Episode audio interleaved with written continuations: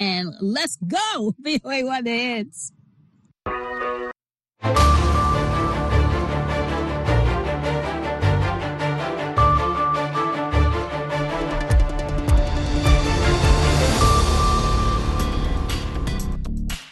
halkani waa washington laanta af soomaaliga ee v o a oo aad ka dhegaysanaysaan mawjadaha gaagaaban efemada geeska afrika iyo caalamka oo dhan oo aad nagala socotaan boggeena v o a somali com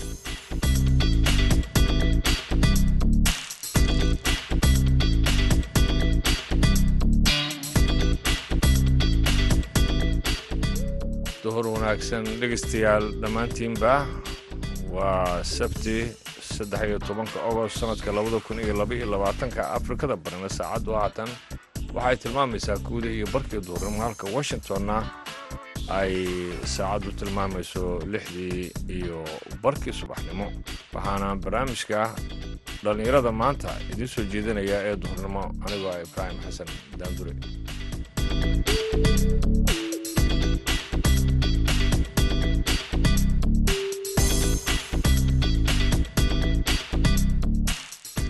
Qodobada aad ku dhegaysan doontaanna waxaa ka mid ah barnaamijka madasha dhallinyarada oo toddobaadkan aan ku eegi doono doorka dhallinyarada ee nabadgelyada soomaaliya.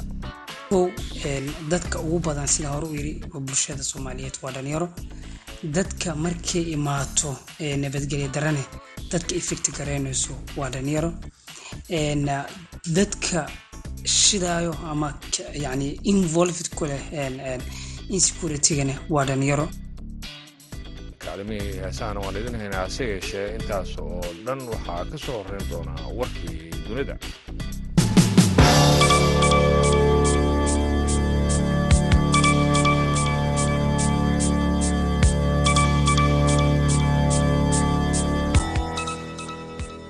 Markab ayaa ku soo xirtay shalay deked ku taalla badda madow ee dalka ukrain si uu bilaabo raritaanka qamadiga ee dadka gaajaysanaa etoobiya waxaana ay noqon doontaa markii u horreysay ee cunto la geeyo afrika sida uu dhigayo qorshaha qaramada midoobay ee lagu doonayo in lagu furdaamiyo qamadiga ku xandhimay dagaalka ruushka ee ukrain iyo in welwelka laga qaado qaar ka mid ah malaayiinta qof ee adduunka oo qarka u saaran macluul muddo bil ah dagaalka ukrain iyo xanibaadda ruushka ee dekedaha dalkaasi ayaa waxa ay dhalisay in qamadiga laga soo saaro dalkaasi ukrain oo ka mida cuntada ugu muhiimsan adduunka muddo uu yaallo baqaaro taasi oo sare u qaaday qiimaha cunnada adduunka oo horseeday una horseeday gaajo afrika bariga dhexe iyo qaybo ka mid ah eshiya maalmihii la soo dhaafay dhowr markab oo sida qamadi ayaa waxa ay iyagu ka tageen dekedaha dalkaasi ukrain sida uu dhigayo heshiiskaasi cusub. Laakiin inta badan shixnadahaasi waxay ahaayeen quudin xaywaan waxaana ay aadeen dalkaasi turkiga iyo weliba galbeedka yurub mas'uuliyiinta dalkaasi ibraan ayaa sheegay inay aqbalayaan hindisaha midooda yurub ee ah in dib loo dhaqangeliyo heshiiskii laga gaaray hubka nuclearka ah ee dalkaasi iiraan sannadkii labada kun shan iyo tobankii. Haddii la helo cid damaanad qaada fulinta heshiiskaasi sidaasna waxaa lagu baahiyey wakaaladda wararka ee dalka iiraan oo soo xiganaysay diblomaasi sare oo u dhashay dalkaasi midooda yurub ayaa waxa uu sheegay toddobaadkan in ay soo saareen qoraal rasmi ah ee heshiiska. Kadib afar maalmood oo wada hadallo aan toos ahayn ay uga socdeen magaalada vienna. Saraakiil kala matalaysa maraykanka iyo dalkaasi iiraan. Sarkaal sare oo ka tirsan midooda yurub wuxuu sheegay in heshiiskani lagu samayn doono wax kabedel cusub iyada oo ay soo qaadatay muddo shan iyo toban bilood ah in gorgortanka laga sameeyo si markaasi loo soo saaro qoraal heshiis lagu yahay. Warkiina dhegeystayaal waa nagay taas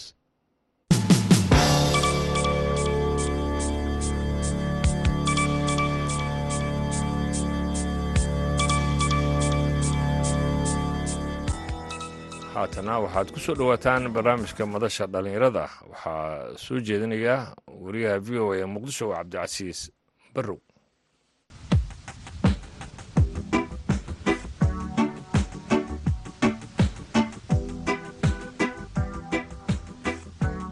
kulanti wacan oo wanaagsan khiyaarta nala socota ku soo dhowaada barnaamijkii madasha dhallinyarada ee laanta afka soomaaliga ee v o eda waxaa idila socodsiinaya anigoo cabdilcasiis barrow oo magaalada muqdisho jooga. Toddobaadkanna waxaan guud ahaan ku eegi doonaa barnaamijka. Kaalinta nabadgelyada ay ku leeyihiin dhallinyarada soomaaliyeed ee waxbartay gaar ahaan kuwa wax ku soo bartay dalka dibadiisa si gaar ah dalalka soomaaliya dariska la ah barnaamijka toddobaadkan waxaa marti igu ah faarax xiidhane oo ka mid ah dhallinyaradaasi islamarkaana iminka jaamacad ku taala nairobi ka diyaarinaya daraasaadka nabadgelyada la xiriira. Faarax marka ugu horeysa ku soo dhawo barnaamijka madasha dhallinyarada ee v o eda waxaad iiga warantaa nabadda marka laga sheekeynayo. Ugu horeyn muhiimadda ay u leedahay bulshada gaar ahaan dhallinyarada soomaaliyeed ee ku sugan si gaara magaalada muqdisho.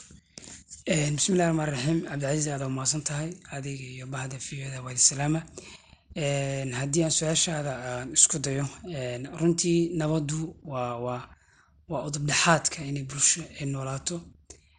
Waa udubdhexaadka inay bulsho ay horumar gaarto. Waa udubdhexaadka in caafimaad la helo. Everything waxay la xiriiraan oo bulshadu ay rabto nabadda. Dhalinyaradana kuma sii jirto.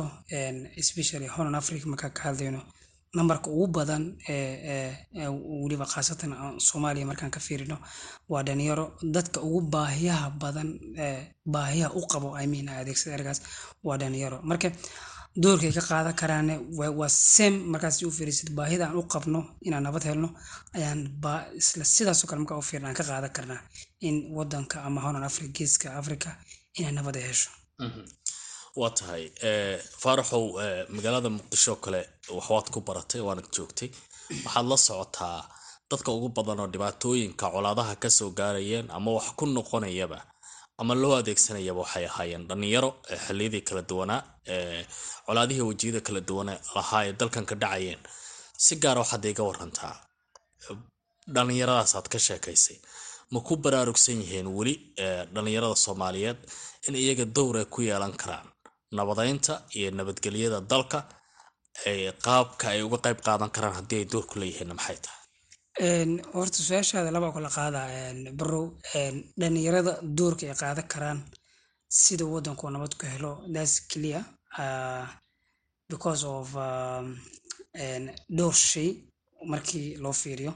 Kow dadka ugu badan sida hore u yiri bulshada soomaaliyeed waa dhalinyaro dadka markay imaato nabadgelya darane dadka effect garaynayso waa dhalinyaro. Dadka shidaayo ama yani involved ku leh insecurity-gana waa dhalinyaro. Marka waxaa fiirinaysaa marka those angles markaa laga fiiriyo waxaan dareemi karnaa in aa u nahay dadka u dhiban in maantay nabadgelyadana saameyn nabadgelya xumadana saameynayso dhalinyarada soomaaliya runta marka laga hadlo way historically marka dib loo fiiriyo waxaad dareemi kartaa waqtiyadii labada kun iyo toddobadii labada kun iyo sideedii qofka siduu u fikiri jiray. Xataa nabadgelya darada waxay saameyn ku yeelataa qofka siduu u fikiro. Hadda dhalinyarada maanta waxay ku fikiraan in ay samaystaan mustaqbal fiican in qofkii shaqo fiican helo inuu meelu ku caweey u helo laakiin haddii mar insecurity issue meed soo galo everything has gone. I mean nabadaas ujeedid alxamdulilah marka si loo fiiriyo waxyaabaha way dhadhacaan laakiin mid maanta qalqal weyn geli karta male. Inkastoo dadka dadka nabadda daraasi ay leeyihiin tangible iyo untouchable loo kala qaada nabadda. Mid la taaban kari mid aan taaban karin. marka taasna another issue waayan marka si loo fiiriyo laakiin maanta si generally marka u fiirino waxaan haysano marka gurigaada ka soo baxaysid walwal badana waxaad dareemaysaa. Laakiin haddana walwalka badan kaama joojinayo waa wax expectationka qabtid ama qarax dhaca ama wax kala dhacaan ama wax kala la kulantaa taas waa marka waxaan la taaban karin. Midda la taaban karan waxa weeyaan waa wax gaan lagula taagan yahay oo qori lagula hor taagan yahay oo aadan awoodin inaad erid baabkaada ka soo baxdid marka runtii cabdicasiisow kaalinta dhalinyarada dhowr mar ani artikalo waan ka qoray the role of I mean the, the youth in peace building in Somalia ama Horn Africa. Runtii dadka xataa siyaasiyiinta gareeyo ana gareeyo they know. Way yaqaanaa the role of the youth way yaqaanaan aad u yaqaanaan. Laakiin sometimes waxyaaba waxaa jiro draaf gareyna arrimahaas oo ah tusaale bafatiga qofkii inuu yani fakri yahay. oo qofkii shilimaayar loo sheego ignorancega qeyb uu ka qaadan kara in times of religion you know the way we are grow up i mean way determine in maanta aan fahmi waaya nabadda noocay tahay. Soddonkii sana dadkii dhashayna nabad aan arkin aya nafsadooda qeybay ka tahay inay fahmi waayaan macaanka ay leedahay. Marka nimcadu waa sida caadiga waxa weye faaraxow inkasta oo ad ii sheegteen hadda daraasad ka sameynaysa nabadgelyada amniga waxaa la xiriira bal waxaan rabaa markii aad magaalada muqdisho ka baxaysay oo intii aadan kenya iyo uganda u gudbin sida fikirkaada u ahaa iyo markii aad dalalkaasi tagtay waxa fikirkaada iska bedelay dadka siday uga fekeraan nabadgelyada iyo bal shaksiyan adiga maxaa isbedelo kugu dhacay? Wallaahi cilmi ahaan marka la yiraahdo wax badan iska bedelay and then what i have seen those country when i was wax farqi badan oo aad u fara badan tusaale before waxaa laga yaabaa in aan u fahminba khatarta maanta inaysan wax badan karin. Khatarta yarta ah ee maanta laga yaabaa qof uu maanta samey karo waxa inuu qof kale ku cabsi geliyo inuu oo ku dila ku yira ere noocaas oo adeegsada marka aniga ka shaqsi ahaan cilmiga aan bartay markaa ka soo tago runtii wax badana iska bedelay maanta waxaan ogaaday tiirka oo walba oo lagama taabtaana inay nabadda ay tahay tusaale maanta ardayga kenyaatiga ama ardayga ugandeyska ah runtii wuxuu ku dooranaa ma jirto. Wadankiisa inuu nabad in yani wadankiisa maanta kuma dooran karo in nabadgelyo xuni ka dhacdo. Laakiin wuu gaajoo karaa caafimaad wuu wey karaa laakiin nabadda waa waa waa waa waa xayndaabka shay lama taabtaan. Taabtaan. Marka aniga as what i have seen or physically or intouchable I mean thoughtka xataa simka loo firiya everything has changed for me because of what i have learned and what i have seen. I think that's dhihi karaa Eh, eh, marka waxaa tiri wax kasta waan arkay eh, si muuqata iyo si aan muuqanba iyo waxaad barataba way ku bedeleen markii aan hadalkaada sidaas u dhigo. Tusaale oo kale waxaa tiri xataa fikirkaygii ayaa isbedelay Eh, taa bal qof nabadgelyada sida uu ka aaminsanaa iyo markuu dal kale tagay sida uu ka aaminay markaan taa ka fiirino dhallinyaradaa u tagtay sidee u fikirayeen wallaahi horta dadka eh, waxay ku xiran tahay habka koritaanka ay u koreen. Tusaalahaan maanta haddaan ku korno eh, wadan burburay oo weliga aanan arkin arday inta saaka iskuul aaday asigoo bad qaba asagoo bad qaba soo noqday een, baska qaaday soo celiyey gurigiisa ku soo noqday. Aa ka fikireenba waxa nabadgelyo la'aan inuu wadankiisa ka dhaco iska fikireen iyo qof eh, albaabka markuu qaw yiraahdo oo guriga jooga naxa qarax ma dhacay. Horta waan dareemi karnaa eh, differencega u dhexeeya labadaas eh, een, a- aragti. Laakiin eh, dadka halkaas joogo wax runta marka laga hadlo nabadgelya guud way iska jirtaa. Laakiin hadda annaga waxyaabahan aadka looga cabtaa waa individual insecurity. Qofka shakhsiyadiisa wuxuu dareema inuu nabadgelyo usan haysanba marka een, dadka qaar waxay yidhahan nabad iyo nabadgelyo nabad iyo nabadgelyo i think ina difference u dhexeeya markaan aniga si u fiiriyo. Nabadda waa mid ilaahna siiyo oo gurigaada ku soo toosaysa ilaah saa nimcadu ku sii waa laakiin inaan nabadgelyo la'aan ay kugu dhacdo waa wax adig marka qaar kaa weyn oo ah wadankii oo dhan waa wax adig kaa weyn environmentkii oo dhan waa wax adig kaa weyn oo mas'uuliyiinta wadanka ay same ay ay- yani kooskooda ay leeyihiin marka in short hadalkayga waxa weeyaan haddii aan rabno maanta in jiilka dambe waxay naga dhaxlaan waxa ugu weyn naga dhaxli karaan oo inaan maanta barbaarina u baahan waxa weeyaan. Runtii marka laga hadlo wadankeena sidee uu amni ku noqon karaa wax badanaa la sameyn karaa tusaale in waxbarashada la aado. Een, aniga waxyaabahan ku soo arto beach education waxa lalaa jiro. Wadankeena kama jiro curriculumkana kuma jiro.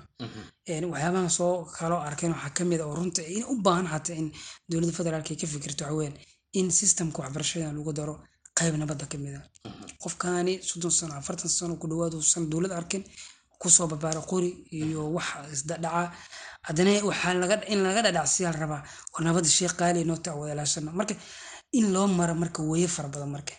Through the education through the awareness through the everything oo oon isdhihi karno qofkaani ereyga nabadda wuu ku fahmi karaa in la sameeyo.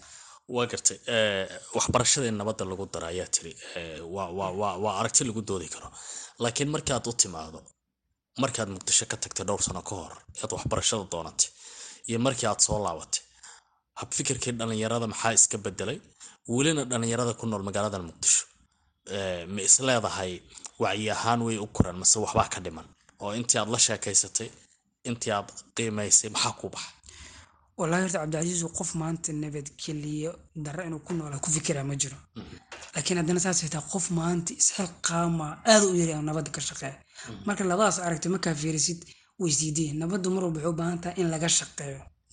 Dhalinyarada maanta waddanka jooga qof walba aada u jecelya inuu nabad inuu nabad ku noolaa gurigiis nabad u soo tago laakiin haddana si markaa u fiirisid oo lidha war waxa aan ka hadalno wixii aan implementation u bedelno hadalka aad sheegaysa hadalka dowladda ay sheegayso hadalka annaga oo sheegayno deegaan ahaan aan ficil u bedelno waxaad dareemaysaa in dadkiisan u bisleen.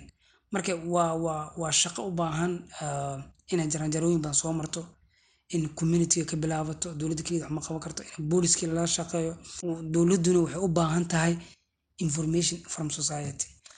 Societygaas haddii la informationka waan ka u baahannahay laakiin cid kiib galaysa waa dan in la helaa. Marka dhalinyarada waxaa laga yaabaa inaysan ku dhiiranin inay dowladda wax la wadaagaan marka tareeda arkaan because of in xogtooda loo ilaali waa Waa gartay faarax marka dhinaca kale laga yimaado waxaa tahay qof activistayo naashid oo dadka u dhaqdhaqaaqo waxyaabo badan marka xaalada yimaadaan ka hadla tusaaloo kale nairobi ayaad joogtay xiliyadii ay sooba qaraxii dhacayay dhalinyaradii istaagaad ka mid ahayd in dadkii muqdisho garab la siiyo sidoo kale fatahaado dhacayaa kale wax ka qabatay. Marka loo shaqaynayo bulshada weliba si bilaash ah volunteer lagu shaqaynayo iyo marka qofka uu keligii yahay uusan waxba qaban oo nafsadiisa keliya u diran yahay taa qudheeda maxaa iska bedelaa salaada maxay saameyn kugu yeelataa? Wallaahi horta shaqo labadooda waa shaqo laakiin qofba shaqo ku raaxaystaa aniga runta marka lahaa shaqada volunteerka waa shaqada keliya aan ku raaxaysto oo qof maanta aanan ixsaan uga dooneynin oo ilahi subxana watacaala ka sukuma tiim fara badan oo muqdisho jooga qaarkood nairobi jooga kenya jooga uganda jooga iyagana dabcan way la mid yihiin. Laakiin wadanka hadda markaas u fiirisa wax ka dhacaan runtii waa la wada istaagaa. Laakiin yacni maxaa keenay dib dambe looma fiiriyo? Aniga waxyaaba dhacdooyin badan u soo joogay laga yaaba artikalada dib aragtay aan ka qoray ahayd yani ilaawsho dhowaa ma umulisa waxyaaba qor hadda arigaas aan adeegsaday ma jecla inaan ka dhawaajiya laakiin sababta iga keenta waxay ahayd waxbaa dhacayo waa la wada orda waa lawada gurmana waa la wada oynaa media laga wada hadlaa. Haddana after ten days five days waa laiska iloobaa. Marka xoogahay wacyiga noocaasa in haddii aan si kale u bedelno aan sameyno waxa layidhahda prevention ama kahortag aan sameyno sidee uga hortagi karnaa in dadkeena maanta waxbarashada ka liito in layidhahda waxbarasho lagu dhiirigeliyo dadkeena maanta ka shaqeyna tradeka ama waddanka caqabad inay ku yihiin waaran inaan report garey karno oon aan leenahay authoritygaas laakiin cid aan la shaqey karno aan heli karno. Waa gartay dadku maxay kugu yidhaahdaan marka markaad ka shaqeynaysa arrimahaas? Dhalinyaraad la kulantaa dadkiibaad la kulantaa hawshii adoo qabanayaa lagu arkaa nin dhallinyaraabaa tahay. Waxaa ugu badan oo aad dadka kala kulanto maxay yihiin? Horta shaqada dadka in loo shaqayn karo iyadoo aan lacag laga raadin ama dhaqaale laga raadin dadku sidee bay u arkaan? Walaa horta su'aal muhiim waayan su'aashaas jawaabteeda inshort waxa weeyaan qof walba si kuu fasirana.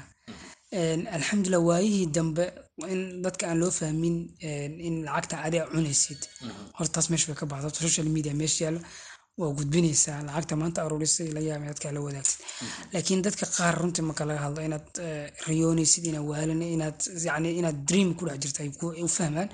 Dadka qaarna kolley yani hadda intaa arkay u bislihiin in dadka caawiyaan oo dhacdooyinkaas hadda ma dhihi karo waa caqabad badana ka taagan caawinta bulshada. Marka laakiin waayidii hore wallahi runtii marka lahaad aad u adkaa jirtay oo hadda waxaan xasuustaa gobolka aniga ka soo jeeda shakhsiyan inaan ka samey jiray barnaamij aan ka samey jirnay. Waxyaabaha caqabada ugu weyn waxaa ahayd mashruuc qofkan ku soo qaatay waxaas waa lasdhihi jiray. Laakiin hadda like last ten last five days I, I can say five days three days something like that. Uh, three three years idhahde way hadda meesha waxay ka baxeen waxaa la fahmay qofka waxaani wuxuu ka faa'iidaysan ku jiro dhib baahan iyo rafaad fara badan oo asiga la kulmaamaa marka waddanka i think dhalinyaradu they, they, understanding so many things oo, markii horeba qalad laga fahamsanayo i think adana waa gartay hadda waxaad ii sheegtay arrimihii nabadgelyadana inaad daraasad ku wado ood jaamacad u gashay oo aad ka shaqaynayso.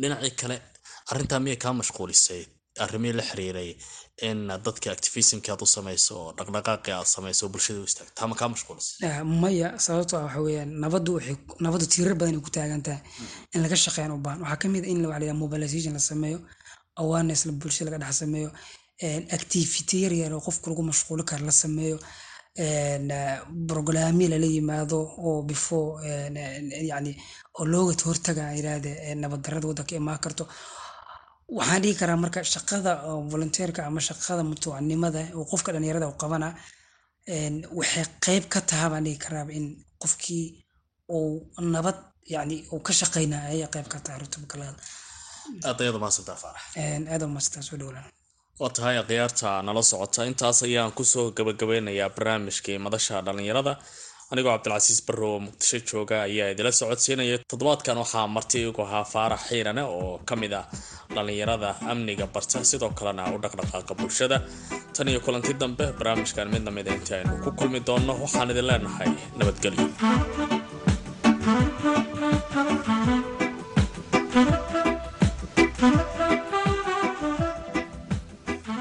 cabdicasiis barrow ayaana madasha soo jeedinaya halkaad weli nagala socotaan dhegeystayaal waa washington.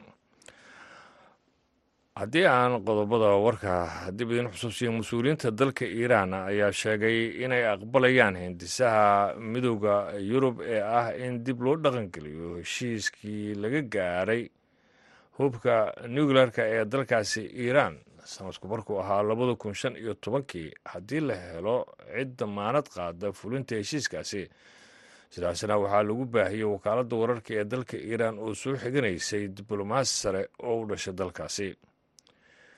Midooda yuruba ayaa sheegay toddobaadkan in ay soo saareen qoraalka rasmiga ah ee heshiiska. Kadib afar maalmood oo wadahadallo aan toos ahayn ay uga socdeen magaalada vienna saraakiil kala matalaysay maraykanka iyo iiraan. Sarkaal sare oo ka tirsan midooda yurub wuxuu sheegay in heshiiskani lagu samayn doono wax ka beddel cusub iyada oo ay soo qaadatay muddo shan iyo toban bilood ah gorgortankani in laga sameeyo si markaasi loo soo saaro qoraal heshiis lagu yahay. Sarkaalka ka tirsan midooda yurub wuxuu sheegay in toddobaadyada soo socda heshiiska ugu dambeeya laga gaari doono arrimaha la xiriira hubka nuclearka ee waddankaasi iiraan markab ayaa ku soo xirtay shalay deked ku taalla badda madow ee dalka ukrain si uu u bilaabo raritaanka qamadiga ee dadka gaajeysanaya etoobiya waxay noqon doontaa markii ugu horreysay ee cunto la geeyo afrika sida uu dhigayo qorshaha qaramada midoobay ee lagu doonayo in lagu furdaamiyo qamadiga ku xanimay dagaalka ruushka ee ukrain iyo in welwalka laga qaado lagana gargaaro qaar ka mid a malaayiin qof oo adduunka ah oo qarka u saaran macluul muddo bilaa dagaalka ukrain iyo xanibaadda ruushka ee dekedaha dalkaasi ayaa waxa ay keentay in qamadiga laga soo saaro dalkaasi ukrain oo ka mid a cuntada ugu muhiimsan adduunka muddo uu yaallo baqaaro taasi oo sare u qaaday qiimaha cunnada adduunka oo u horseeday gaajo afrika bariga dhexe iyo qeybo ka mid ah eshiya maalmihin la soo dhaafay dhowr markab oo siday qamadi ayaa ka tegay dekedaha ukrain sida uu dhigayo heshiiska cusub laakiin inta badan shixnadaasi waxay ahaayeen quudin xaywaan waxaana ay aadeen turkiga ama yurubta galbeed kuwaasi oo ah qandaraasyo hore. Haatana dhankii muusiga ku soo dhowaada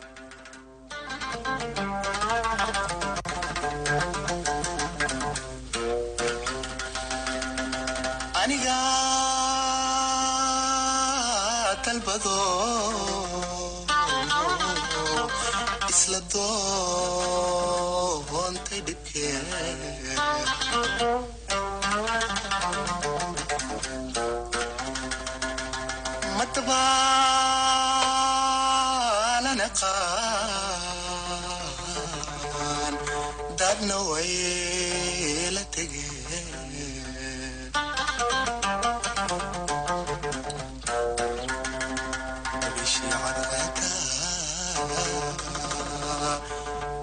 sii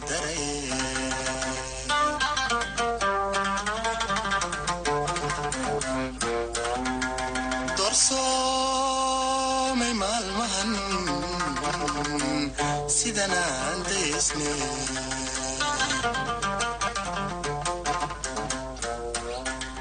malaha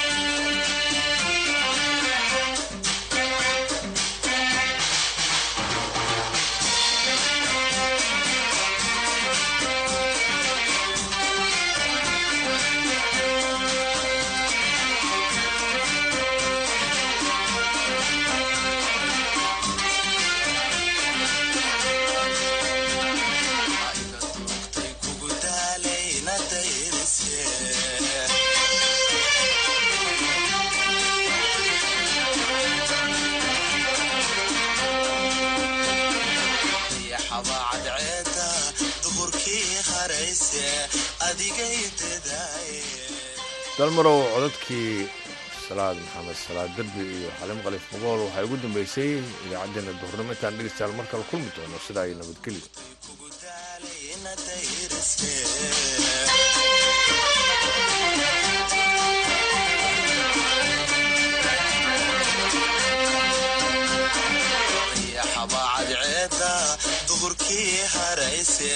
adigay dadaaye